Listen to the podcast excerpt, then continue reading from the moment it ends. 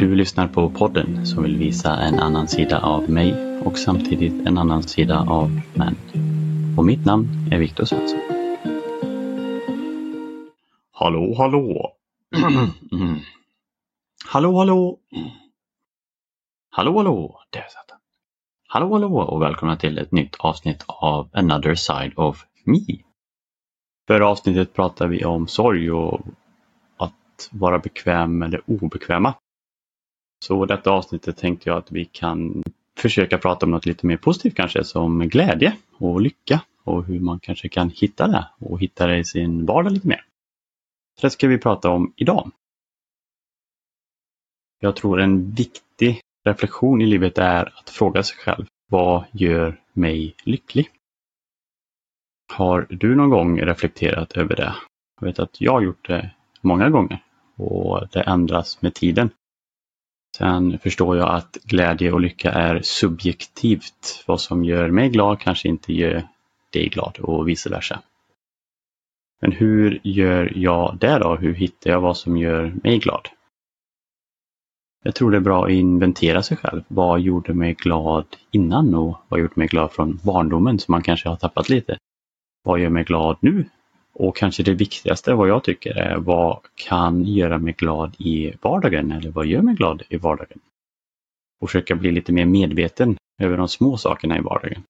Som har hjälpt mig väldigt mycket vet jag.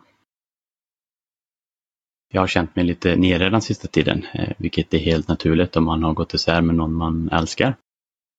Och jag har provat något nu som heter joyspotting. Egentligen att leta efter glädjestunder i livet, de små, små stunderna. Och i början var det väldigt svårt att ens se en gnista, liksom, vad, vad kan göra mig glad? Varför ska jag ens söka efter det? Men sen började jag utmana det. Det är klart jag måste hitta små saker i vardagen. Eller jag vill hitta små saker i vardagen som faktiskt gör mig glad. Och något jag började göra var att medvetet uppskatta saker. Jag dricker alltid en kopp kaffe på morgonen och innan drack jag den bara för att jag skulle iväg till jobbet. Men nu dricker jag den lite mer medvetet.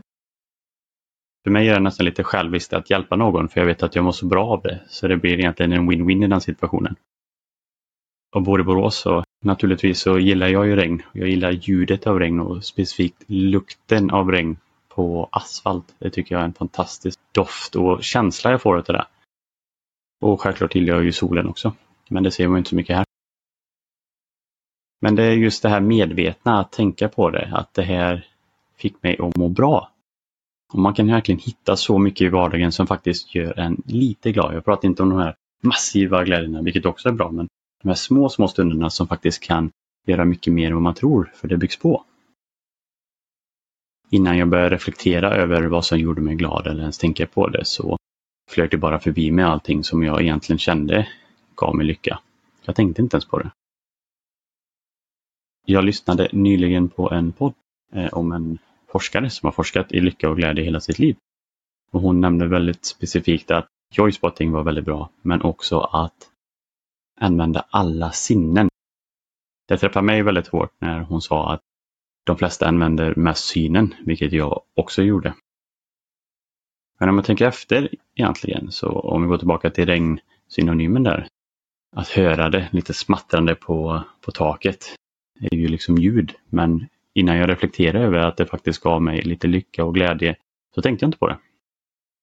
Så att medvetet tänka på det och verkligen reflektera att det här gav mig en liten lycka och varför gjorde det det? Och något som ganska nyligen gav mig en väldigt stark glädjekänsla eller mer nostalgiglädjekänsla, det var faktiskt från doft.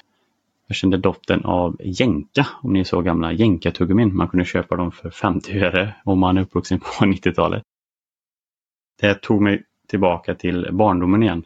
När jag och mina vänner köpte tuggummin. Vi sparat ihop 20 kronor så vi fick ju hur mycket som helst. Så den doften tog mig tillbaka till det minnet, till barndomen och jag var nästan där i affären igen och hade precis köpt alla de här tuggummina. Och sen något jag också reflekterat över och tänkt på, det är ju egentligen att tänka vad som inte gör dig glad. Motsatsen till det är nästan glädjetjuvar. Det kan vara bra att reflektera ibland om man har umgått med någon eller träffat någon som man kände efteråt att man inte har någon energi kvar eller känner sig inte alls glad. Då kanske man ska försöka att umgås mindre med den personen, även om det låter lite hårt. Men något som jag insåg och var väldigt starkt för mig var att jag ofta klankar ner mig själv i mitt egna huvud. Och något ännu sjukare att jag trodde på vad jag trodde andra tänkte om mig. Vilket är helt absurt egentligen, men det var så min hjärna fungerade och faktiskt gör ibland fortfarande. Och för er som är lite mer nyfikna på vad exakt joyspotting är så är det exakt vad det låter som. Det är att leta efter glädje i vardagen som jag i stort sett har pratat genom hela avsnittet. Men det är verkligen att stanna upp och reflektera och känna av om det är någonting runt omkring en som kan göra dig lycklig. För mig då så är det ju som jag sa första koppen av kaffe på morgonen, doften, värmen av muggen när det liksom börjar bli lite mörkt ute. Eller när jag går i skogen och ser alla klara gröna färger eller höstens alla färger. Det finns så mycket. Och det är också en bra reflektion att få med sig där att alla årstider har sin charm. Man kan välja att se hösten som mörk och tråkig eller så kan du välja att se den som någonting mysigt. Att tända levande ljus, att kolla på Harry Potter för miljonte gången eller något sånt. Du förstår vad jag försöker tänka här, liksom att stanna upp och faktiskt tänka och reflektera och känna av om det är någonting här som gör mig lycklig. Och något jag också har börjat göra tack vare detta är att reflektera varje morgon och kväll. Vad gjorde mig lycklig idag? Och vad kan göra mig lycklig inför morgondagen eller för veckan till och med? Och det det gör är att jag faktiskt ser fram emot det ännu mer och känner ännu mer lycklig. Chansen att känna mer lycka i det är mycket större än när jag inte hade reflekterat över det innan. Och I början tyckte jag det var svårt att hitta saker som faktiskt gjorde mig lycklig i vardagen. Men ju mer jag reflekterade över det och tänkte över det så hittade jag faktiskt små stunder där man pratar med en rolig kollega eller man går hem från jobbet eller när det blir helg eller när man har tränat. Nej, alltså det kan gå in i så mycket olika detaljer men viktigt är att försöka reflektera och känna av vad gjorde mig lycklig. Och sen försöker du göra lite mer av det. Ganska logiskt men ganska svårt om man inte är medveten om det eller tänker på det. För då flyger det bara förbi en som det gjort för mig större delen av mitt liv. Jag tänker också på försenad glädje. Och vad menar jag med det? När det blir helg eller när jag har semester, då blir jag lycklig. Eller när jag klarar det här målet, då får jag äntligen känna lycka. Lite som att när det här händer så kommer jag ge mig själv tillåtelse att känna lycka och tills dess så får jag inte känna lycka. För det är nästan fel något jag försökt tänka på och försöker göra och hitta tillbaka till barnasinnet, om vi säger så. Alla små saker som kanske gjorde en glad då, som jag nästan har pushat bort nu för att jag ska bli äldre och vuxen. Men de här små sakerna som kanske ger en små glädje i livet, alltså starka färger, ljud som jag pratade om och allt annat, utan komma tillbaka till det här barnasinnet, det här lekfulla sinnet och tänka lite mer så en liten inflik i det här att känner du inte jättemycket glädje och inte gjort under en väldigt lång tid så rekommenderar jag dig starkt att prata med en professionell som kan hjälpa dig. Men för att avsluta lite så vill jag säga att glädje är inte någonting vi måste hitta eller förtjäna. Glädje är faktiskt någonting vi kan skapa. Jag kommer lägga lite länkar i beskrivningen om ni vill se vad jag har läst och försöker göra. Och en sista sak är att verkligen reflektera. Vad gör mig glad? Och vad kan mig göra glad?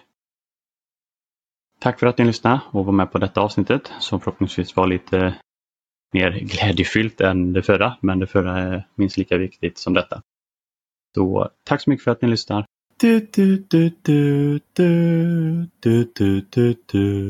Jag ville bara säga tack för att ni lyssnar. Och glöm inte av att vara snälla mot er själva och vara snälla mot andra.